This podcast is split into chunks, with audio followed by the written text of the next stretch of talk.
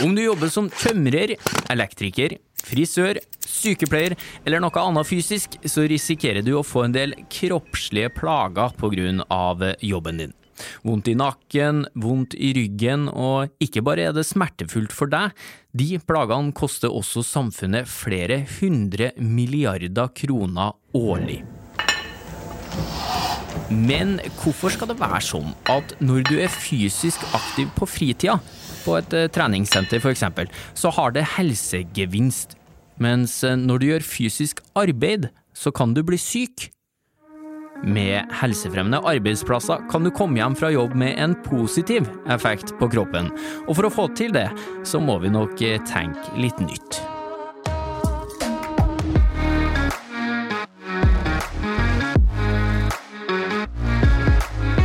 Hører podkasten Smart forklart med Aksel Faanes Persson.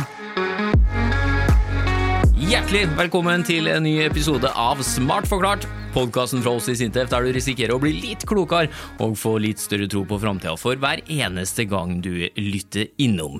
I denne episoden så handler det om helsefremmende arbeidsplasser, som rett og slett er et slags mål om å få til en jobbhverdag som gjør kroppen din mer godt enn vondt. Og de to som skal forklare for oss denne gangen, er Øystein og Marius. Velkommen! Tusen takk. Og samkjørt òg, da! Synkront! Ikke verst. Vakkert. Øystein Wiggen, da, Sintef-forskeren som avisene oppsøker hver vinter for å lage saken 'Slik bør du kle deg i kulda'. Eh, legger merke til at du for anledninga har på deg ullgenser i et veldig varmt studio. Ja, det er jo bikkjekaldt ut, så jeg må jo bare teste ut det her nå og se hvordan det bæsjer vei. Men eh, Den ryker i løpet av eh, episoden, tipper jeg. Vi får se, vi får se. Du kan heldigvis mye annet enn kuldeforskning, da. Eh, blant annet det vi skal snakke om nå, arbeidshelse. Mastergrad i treningsfysiologi eh, og doktorgrad i menneskelig yteevne. Stemmer. Yes, eh, og veldig glad i isbading. Ja, litt glad i hvert fall. Litt glad, over gjennomsnittet i hvert fall. Eh, Og Marius, da. Mannen som ved din side sitter. Marius Deiro Fimland, eh, professor i bevegelsesvitenskap hos eh, NTNU. Og du var vel så ung da du fikk den professortittelen at det ble presseoppslag om det? Det stemmer, riktignok i lokalavisa, men vi tar det med oss. Ja, ja, ja. Skal aldri kimse av en eh, god lokalavis, og de er også på nett, så det er mulig å, å søke opp en Marius der. Og det må du gjerne gjøre, for første setninga tror jeg det står et eller annet om at det er en bekreftelse på at du er godt trent. Det var en fin formulering i hvert fall der, så den må du ta med videre i livet. Takk for det, du ser ikke så utrent ut sjøl heller, Aksel. Det kan jeg si til deg som hører på er direkte løgn, eh, men det er greit. Takk skal du ha. Doktorgrad i styrketrening, Ja, det stemmer. og en eh, treningsnerd som ikke liker å springe, har jeg hørt rykter om. Nei, det stemmer. Fysisk aktivitet. Det er jo en gigantisk meny av aktiviteter som er mulig, så da liker jeg å løfte og klatre og slåss. Og slåss, faktisk. Ja, i kontrollerte former, da. Ja, okay. Ja, det styrer jeg langt unna. Ja, vi, la oss hoppe inn i det vi skal snakke om, for at i tillegg til alt det her vi har nevnt nå, så er dere veldig engasjert i, i arbeidshelse og det å få arbeidslivet til å tenke litt nytt rundt det fysiske på jobben. Eh, Øystein, hvorfor trenger vi i det hele tatt å, å tenke nytt om arbeidsplassene våre? I Norge så er det mer enn én million som eh, sliter med muskel- og skjelettplager. Eh, og I tillegg så koster jo dette her samfunnet noe vanvittig. Det koster mer enn 250 milliarder i året. Og det er jo helt sinnssyke summer som eh, vi virkelig bør tenke nytt og prøve å gjøre noen ting med. Vi må redusere de her kostnadene. Ja, hvorfor er det så dyrt? Hva, er- hva er det pengene går med til? Pengene går med til Det er jo trygdeordninger, det er helsetapet, da, som de beregner det som. Og da også sett på Ikke minst den største kostnaden er jo eh, til den enkelte. Den, de smertene, ubehagen eh, Ja, det kjipe. Vi vet alle sammen hvor, hvor kjipt det er hvis at du går rundt med vond rygg, eller hva det er. Ja. Og det preger oss, da. Og det preger arbeidslivet. Eh, Marius, hvilke yrkesgrupper er det som er, som er prega av, av, av sånne plager? Det er flere yrkesgrupper, veldig ofte helse-sosialyrker. Folk som eh, jobber med andre mennesker og bruker kropp, sin egen kropp til å hjelpe andre som trenger, trenger hjelp til å klare seg i dagliglivet f.eks., og på sykehus og sånne ting.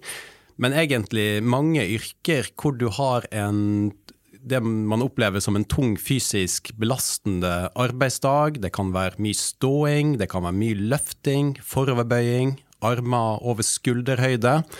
Og ingenting av dette er dumt i seg sjøl, men hvis det blir for masse av én type belastning, så, så eh, kan det føre til smerter og dårlig helse.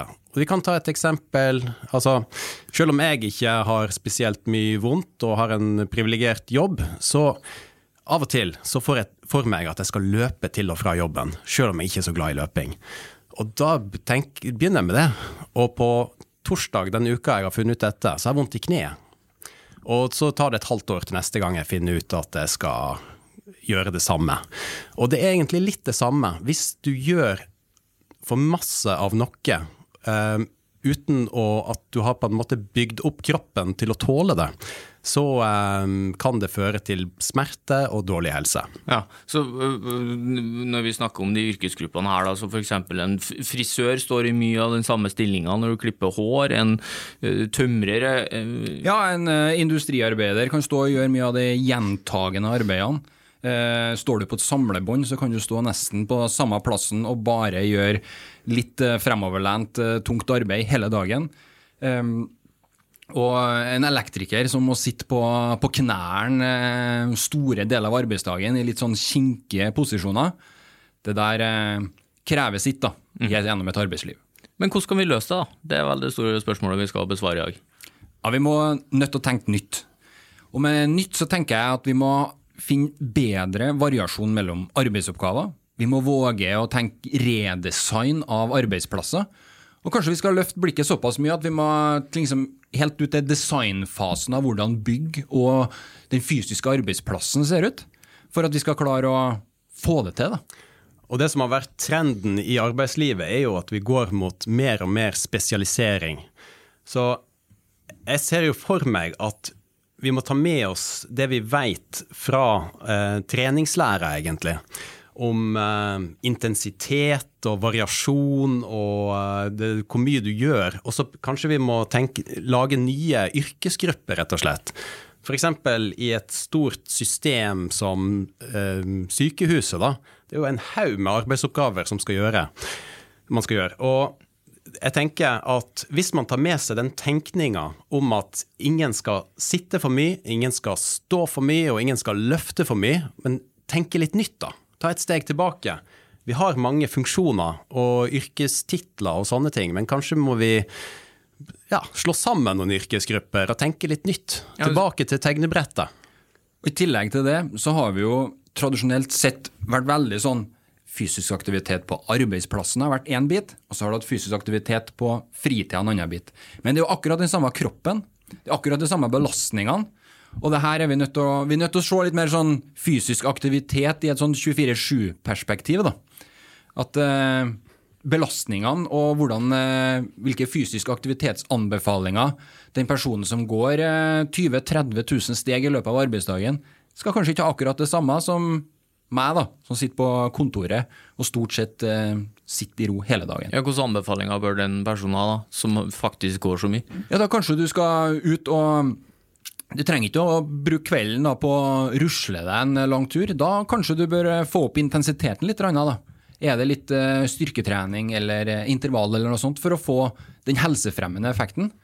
Men det som jeg, jeg tenker er veldig viktig, jeg er helt enig i det du sier. Uh, men det som arbeidsgiver må tenke på, jo, og som man er klar over, er at ikke man kan styre over fritida til de ansatte. Og derfor og vi vet jo allerede at det er de færreste som er tilstrekkelig fysisk aktive. Og Derfor må vi tenke på Arbeidsgiver kan tenke på arbeidsplassen. Hvordan skal vi få den arbeidstakeren til å ha en riktig balanse av fysisk aktivitet og hvile i løpet av arbeidsdagen? Så det, det tenker jeg eh, er mange muligheter å få til. Løsningene vil variere fra arbeidsplass til arbeidsplass og yrkesgruppe til yrkesgruppe. Så det finnes ingen fasit på nøyaktig hvordan. Men visjonen er å kunne finne den akkurat passe belastningen for eh, arbeidstakere. Ja, og Hvis du da er treningsglad så, og går 20 000 skritt på, på, jobb, så bør du trene noe annet enn føttene og, og, og, kappgang på fritida, det skjønner jeg. Men, men eh, som du sier ja, kanskje, ikke, kanskje, ikke, noe annet enn føttene. fordi at for du vil antagelig, Hvis du trener litt styrketrening på disse føttene, så vil de bli bedre rusta til å håndtere den belastningen det er å gå og rusle i løpet av arbeidsdagen også. Oh, yeah. så, så fortsett tren føttene dine, for dem har du jo bruk for at du er sterk. Ja. Bare tren dem på en annen måte enn du gjør i arbeidstida. Ja, ikke, ja. Tenke, ikke, gå rundt med skrittelleren din og tenke på at oi, jeg hadde 15 000 skritt i løpet av arbeidsdagen. Hvis jeg er litt uh, aktiv på fritida nå, så klarer jeg 20 000. Det er ikke noe Når du kommer over en sånn 8000 skritt, så er det ikke den helt store helsefordelen å fortsette å samle skritt, men heller kanskje få litt mer kvalitet på skritta. Altså opp med pulsen, gå litt i motbakke f.eks., eller å belaste musklene med styrketrening, da. Ja, eh, ok, rådene kommer heldigvis ikke fra meg, hører jeg, og det, det er bra. Men altså, eh, poenget jeg skulle fram til, var at det er ikke alle som er så treningsglade heller, da. Altså, kanskje setter du deg rett ned i sofaen når du kommer hjem etter de 15 000 skrittene på jobb. Ja, og det, det, er jo ikke rart, for det er jo tungt. Og hvis du har en, en jobb der du går og ja, vasker gulv, da, og går hele dagen Det er klart at det, det, første du tenker på når du kommer hjem, det er ikke å Oi, nå skal jeg ut og trene. Så det er helt klart barrierer um, for de med fysisk tungt arbeid. Ja, for hvor mange er det som faktisk trener på fritida? Nei, hvis, Man pleier å si at det er én av tre som oppfyller fysisk aktivitetsanbefalingene til helsemyndighetene. Så sjøl om vi vet at det er bra for oss, så er det én av tre som gjør det? Ja, ja, ja, ja. Det, er ikke, det, er ikke, kunnskapen på akkurat det det står på, nei. Det er nettopp det, da. Hvis vi våger å tenke nytt. Tenk deg hvor deilig det ville ha vært hvis at uh, du kommer hjem fra arbeidsdag, arbeidsdagen din. Du har uh, litt mer overskudd Plutselig har eh, dørstokkmila senka seg. Og i tillegg så er det jo kjempeviktig aspekt for um, um, på arbeidsplassen og arbeidsgiver hvis at den enkelte arbeider får litt mer overskudd. Tenk deg på en plass som um, i Nordsjøen, eller uh, hvor det skal være en, hvor det er en risiko involvert. Det at du har økt årvåkenhet, du følger litt bedre med, da har du plutselig senka uh, sannsynligheten da, for at uh, noe farlig skulle kunne skje. Og det der er jo uh, virkelig en stor effekt i tillegg til det fysisk aktivitet-biten. Men bare for å gå innom et annet punkt dere nevnte, altså redesign av, av, bygg, rett og slett. Konkret eksempel på hvordan et sånt bygg kan se ut? Eh? Ja, man kan gjerne altså, og det er viktig å tenke helsefremmende infrastruktur også, f.eks. For i form av bygg. Og Der er det jo mulig å gjøre trappa eh, mer attraktiv å gå i enn å ta heisen, som det ofte er trappa litt gjemt, mens det er lettest å ta heisen. Så finnes, eh, så når man planlegger nye bygg for fremtida, så bør man eh, tenke hvordan kan jeg gjøre sånn at folk har lyst til å ta trappa. Men eh, redesign det er jo så mye mer enn bare infrastrukturen. Det kan være hvordan vi setter opp vaktlistene, hvordan selve arbeidsoppgavene er satt opp, arbeidslokasjonene, arbeidsplassene i en, i en industrihall. Alt dette her kan tenkes på nye måter for å finne ei mer optimal sammensetning av den fysiske aktiviteten i løpet av arbeidsdagen. Ja. Jeg synes jo Alt dere sier her høres jo veldig logisk ut. da. Altså Gå trappa istedenfor å ta heisen og gjøre om på vaktlistene, og, sånn at ikke alle står og har eh, At Geir f.eks. ikke alltid har tunge løft både mandag, tirsdag, onsdag, torsdag, fredag. liksom At det er noen andre som kan ta på tirsdager, så han får en, en restitusjonsøkt, da, for å bruke treningsterminologien her. Men altså, hvorfor er det ingen som har tenkt på det her før? Her har det skjedd eh, mye på teknologien. Vi har nå fått muligheten til å måle og få gode mål gjennom hele arbeidsdagen, flere arbeidsdager på rad. Tradisjonelt sett så har dette vært basert på eh, subjektive tilbakemeldinger. Og det er, Folk er ikke så flinke til å huske på hva var det egentlig jeg gjorde, eh, hvor mange ganger løfta jeg på mandagen og hvor mange ganger gikk jeg trappa på tirsdagen. Det husker vi ikke når vi skal smare på et spørreskjema på slutten av dagen eller i slutten av uka. Men nå har vi gode måleverktøy som kan eh, gi oss objektive mål. Som eh, da si at jo, du eh, brukte faktisk sju minutter av arbeidsdagen din til å gå i trapp, eller du brukte to timer med å stå fremoverlent og jobbe med hendene i en ugunstig posisjon. Så den innsikten der gir oss veldig, veldig verdifull kunnskap om hvordan arbeidsbelastningene faktisk er. Og jeg har et eh, eksempel på hvordan man kan gjøre et sånt eh, forskningsprosjekt da, fra et eh, studie som vi holder på med nå. Og hjemmetjenesten i Trondheim kommune de har veldig høyt sykefravær. 12% ligger de rundt på, og det er ca. dobbelt så høyt som landsgjennomsnittssykefraværet. Og gjennom uh, målinger som vi har gjort i prosjektet, så har vi funnet ut at ja, de har jo plager i rygg og nakkeskulder, og de har også veldig mye foroverbøying og arbeid med armene litt sånn uh, løfta, da. Og det er en risikofaktor for smerter i disse områdene.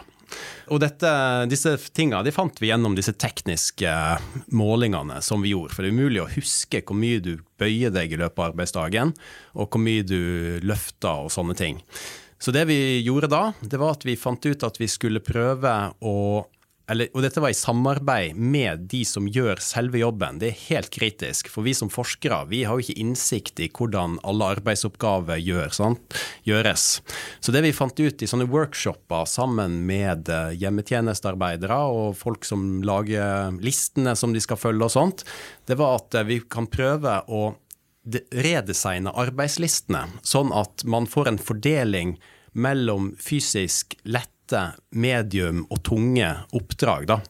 Og dette kan man gjøre fordi at de, de brukerne, da, eller pasientene som de, disse hjemmetjenestearbeiderne besøker, de har sånne de scorer da, som sier at hvor mye trenger de hjelp til. Sant? Noen kanskje trenger hjelp til å dusje og um, ordne alt mulig forskjellig, da. Uh, mens noen har um, veldig lite hjelpebehov. Så hvis en arbeider har uh, veldig mange tunge oppdrag, så er det litt ugunstig. Um, så det vi fant ut nå, det var i løpet av en uke så kan man variere på um, oppdragene man har, sånn at man får en balansert arbeidsuke.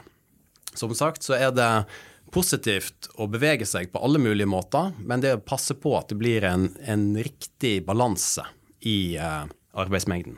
Og det kan jeg jo si, I tillegg til det med hjemmetjenesten og de viktige studiene der, så har vi jo jobba opp mot uh, petroleumsbransjen, som, et, uh, som, er kjent for å være verdensledende innen HMS. Men fagfeltet, da, ergonomi, og da hvordan folk, den fysiske aktiviteten på arbeidsplassen har vært sånn skadelidende uh, uten, fordi at vi har ikke hatt noe tall. Nå er vi forskere litt ekstra glad i tall, da, men det har en stor verdi. da, når vi ser ut mot uh, Har du støyeksponering, så er det satt et konkret desibelkrav. Har du gasseksponering, så er det satt noen helt konkrete måltall. Men fysisk aktivitet, der har vi ikke uh, hatt det samme. Og um, den verdien der, da, kombinert med det subjektive, uh, gir en helt ny innsikt som kan løfte det her. Altså, rett og slett sensorer for eksempel, som er så gode nå at vi, vi klarer å på detaljnivå se hvor belastninga kommer, er det det dere sier? Ja, nå har vi sensorer som er små. Så langt så bruker vi en del metodeverktøy som er eh, litt komplisert, de, vi må laste ned data, det er litt tungvint. Men nå i løpet av et år eller to så begynner det her å være så lite og elegant at eh, eh den enkelte arbeidstaker kan eh, fort og greit sette på seg sensorene sjøl Sensorene snakker med telefonen. Dataen går rett opp i ei trygg skyløsning som analyserer, og du kan på slutten av arbeidsdagen sitte og se hva i all verden var det jeg faktisk gjorde. Og eh, ledelsen kan se litt sånn eh, generelle data for å kunne forstå hvordan skal vi tilrettelegge det her enda bedre. Ja, og Hvis dette skal funke bra, så tror jeg at uh, det er ikke den enkelte arbeider som skal sitte og tenke på alle disse tinga her. Det er Eh, de arbeidsgiver- og ergonomiteamet, ergonomiteam, fysioterapeuter og som, de som jobber kan du si, backstage, da, som må passe på at her er det en passende belastning. For vi kommer aldri til å i motsetning til disse gassene som ble nevnt her, så, så er det ikke sånn at vi ønsker at eksponeringa av fysisk belastning skal være null. Vi vet jo at fysisk belastning er bra. Ikke sant. Men mens vi er inne på ja, Og nå skjer det action i studio her. Øystein ber om å få ta av seg ullgenseren. Det må du bare gjøre. Uh, Ja, nå, er, jeg- nå ryker genseren. Jeg har jo til og med på meg longs i dag. Det var jo uh, fem til ti blå på Byåsen i morges, så nå må jeg tilpasse her. Men mens du tar den av, da, så har vi her i, her i Smart forklart så har vi tidligere hørt om, om eh, exoskeleton. Det er jo noe du faktisk tar på deg. Altså et ytre skjelett som gjør eh, teknologi som gjør deg til en superhelt, heter den episoden. Et ytre skjelett altså, som, som hjelper deg med tunge løft. Altså, vil sånn type teknologi spille en rolle eh, her òg? Det kan ha en eh, effekt i uh, framtida. Jeg tror det er en litt lengre vei å gå, men eh, du kunne jo sett for deg at Exxon eh, hjelper deg sånn at du får en optimal treningsbelastning på noen, og så begynner den å avlaste etter hvert. Men det er litt sånn ønsketenkning for fremtida. Ja, Sånn som elsykkelen, hvor du kan stille inn hvor mye hjelp du vil ha, da, eller? Ja, men jeg har nå alltid på maks. Treningskarer i studio. Du, men apropos det, altså, hvor godt trent går det an å bli i løpet av en arbeidsdag? Eh, Det er et godt spørsmål, og det har jeg ikke svaret på. Eh, Problemet med arbeid, da, det vi har sett, det er at det, det er veldig få jobber som gjør at du kan Som er rett og slett der du kommer opp høyt nok i puls og, og bruker musklene hardt nok til at de vil bli større og sterkere. Sånn at eh, det har vi foreløpig ikke snakka om. Jeg har en kollega i Danmark som snakka om at den eneste gruppa de har målt på, eh, som kommer opp i en sånn treningspuls når de gjør jobben, det er søppeltømmere i København. Oh, ja. Fordi de eh, løper desperat rundt eh, for å eh, bli ferdig med jobben før eh, rushet med biler, så da står de i stampe, og det blir overtid så det holder. Så, så jeg, men jeg veit ikke om løsninga er mer tidspress på jobben, altså. Men, men det er vanskelig å, å gjøre Det viser seg vanskelig å komme høyt nok opp i puls til å få en en skikkelig treningseffekt. Men eh, igjen, da, hvis du har en god balanse Vi vet jo, helsemyndighetene anbefaler oss jo å reise oss, da. Vi burde jo kanskje reise oss eh, snart her nå. Men, eh, men de, de anbefaler oss å reise oss opp og gjøre litt lett aktivitet også, hvis du har en, eksempel en stillesittende jobb som Ja. gir mening. Fordi at dette er positivt for uh, kroppen på flere måter. Ja, Eh, for- ja, for, er- du kan få plager av å sitte på en kontorstol òg. Altså smerte i skuldra og Ja, altså absolutt. Og det er jo litt sånn eh, Det er jo mange sånne catchphrases på det begrepet her, som at den, den beste posisjonen er alltid den neste. Og nå er det jo når de sier at um, sitt når du må, stå når du vil, og gå når du kan. Og det er jo en sånn fin eh, sak å ta med seg, eh, også for oss som sitter på kontor hele dagen. Ja, flirer dem godt, dem som hører på oss nå på en byggeplass og, og ikke syns sånn kjempesynd på dem som sitter på en kontorstol. Men altså, bare for å si det òg, da. eh, Det er ikke snakk om å gjøre oss alle til toppidrettsutøvere her nå. Nei, det er det ikke, og det tror jeg ikke, um, ikke vil skje med redesign i arbeidet. Men at vi må, vi må snu, snu litt. Ikke bare tenke um, beskyttelse og forebygging. Vi må tenke at arbeidsplassen skal være et sted som også kan gi en helsefremmende effekt på kroppen. Og sånn har det jo lenge vært, eh, egentlig litt innenfor den psykologiske tenkninga rundt arbeid. sant? Eh, hva er det første du spør om nesten når du, når du møter noen eh, for første gang? sant? Det er jo ja, hva, hva jobber du med? sant? Vi, jobb er tett uh, knytta til identiteten vår. Og vi har jo lenge snakka om jobb som et sted for uh, sjølrealisering og vennskap og relasjonsbygging og sånne ting. Mens når det gjelder um, muskel-skjelettsystem og sånne ting, så er det alltid snakk om ja, vi må beskytte og vi må ha mindre belastning og sånne ting. Så jeg ønsker en, og flere av mine kolleger som forsker på dette, ønsker en litt endring der vi tenker på hm, hvordan kan vi forbedre bedre kroppslig helse av å gjøre jobben vår? Og så har jo dere kommet med et par eksempler på hvordan man kan gjøre det nå, da, men altså, hvorfor skal arbeidsgivere gidde å bry seg om det her? For at eh, dere sier jo eh, altså, heldigvis ikke bare mitt ansvar som arbeidstaker, det, det er faktisk en arbeidsgiver her som må bestemme seg for at, eh, at her skal de grepene tas. Men det koster jo penger igjen. Du må endre på rutiner, sier dere. Du må endre kanskje på bygg. Eh, Ser, pengene fly hvis jeg er bedriftsleder? Ja, og det er et kjempeviktig eh, poeng. Det som er veldig viktig all denne tankegangen her, er at det her skal ikke gå utover eh, produktiviteten. Vi ønsker ikke å ta folk ut og begynne å gjøre en treningsøkt. Du skal kunne gjøre akkurat det samme som du har gjort tidligere. Du blir ikke noe mindre effektiv. Du skal ikke bli noe mindre effektiv. Nei. Og I tillegg så eh, er det studier som viser at eh, ja, det er en investeringskostnad med å sette i gang en sånn her type intervensjon eller tilpasning på arbeidsplassen. Men de tidlige studiene viser at ok, hvis du legger én dollar på, på bordet, så får du 1,5 dollar tilbake. Og det er veldig gunstig. Hvordan, hæ? Hvordan får du det? Ja, Gjennom uh, mer fornøyde arbeidstakere, redusert sykefravær og de aspektene der, som gjør at uh, folk kan stå lenger og trives bedre på jobb. da. Ja, for trives du på jobb, så jobber du kanskje bedre òg.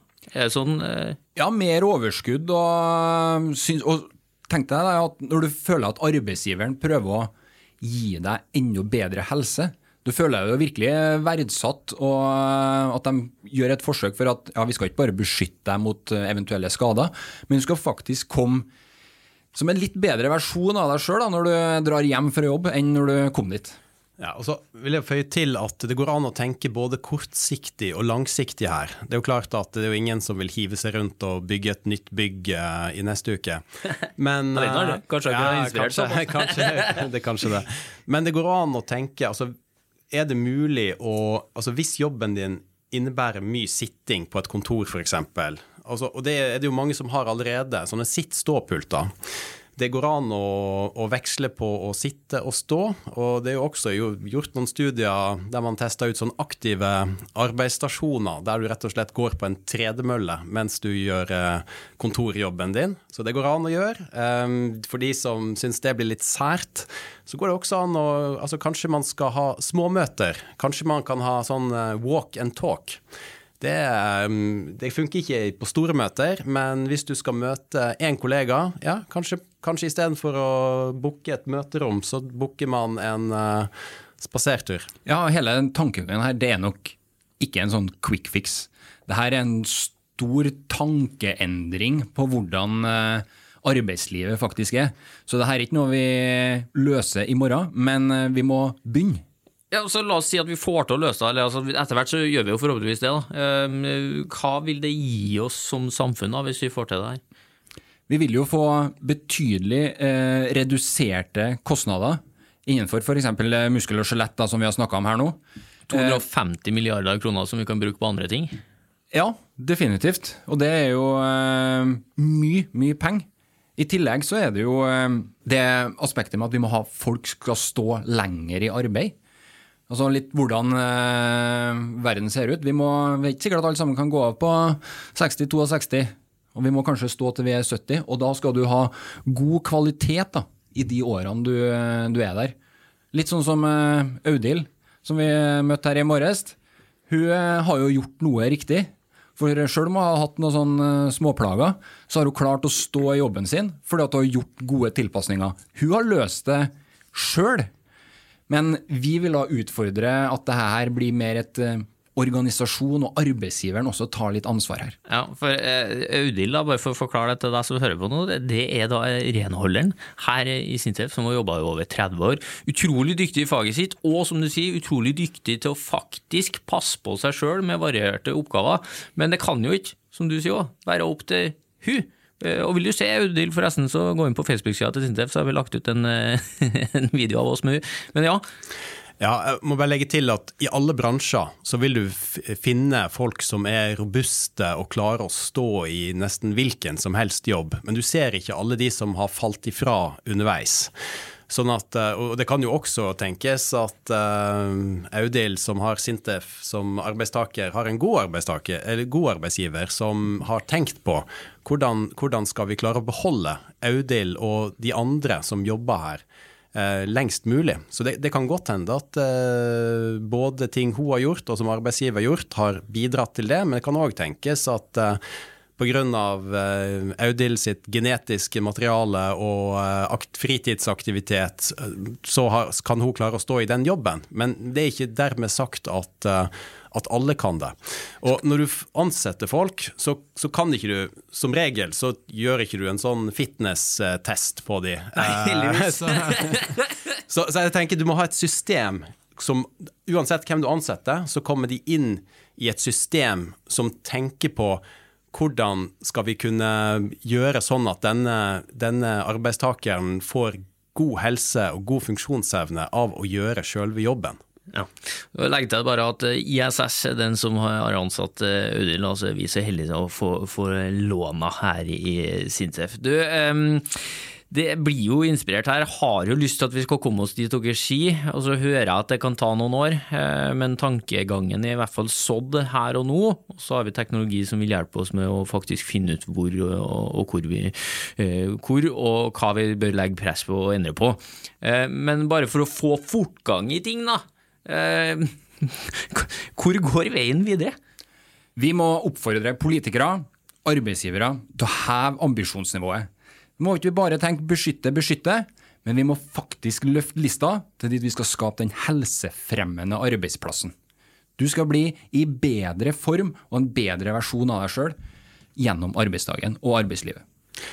Amen, Øystein. Og jeg vil, og jeg vil bare føye til at uh, vi, så trenger vi midler til å forske på uh, hvordan kan dette gjøres best mulig for arbeidstakere i ulike bransjer. Så samarbeid, forskning og arbeidstakerorganisasjoner, arbeidsgivere, vil føre verden fremover på dette ja. området.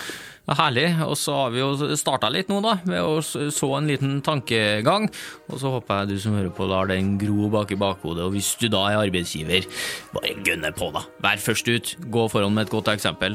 Og på vegne da, av alle med en eller annen form for jobbrelatert kroppslig plage, takk for at dere prøver å løse det her, Marius og Øystein. Og takk for at dere delte kunnskapen deres her i Smart forklart. Tusen takk eh, for invitasjonen, og dette var jo overraskende hyggelig, vil jeg si. Jeg har kosa meg.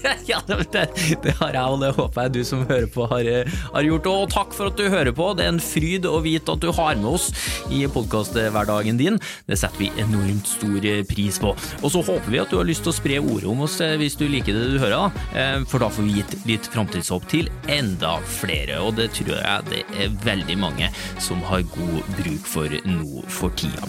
Hvis du synes det går altfor lang tid mellom hver episode, så finner du fersk forskningsstoff akkurat når det passer på sintef.no, gemini.no, Sintef-bloggen eller ved å følge Sintef i sosiale medier. Nye episoder er på vei, og i ventetida fram til da så skal forskerne her i Sintef fortsette å utvikle teknologi for et bedre samfunn.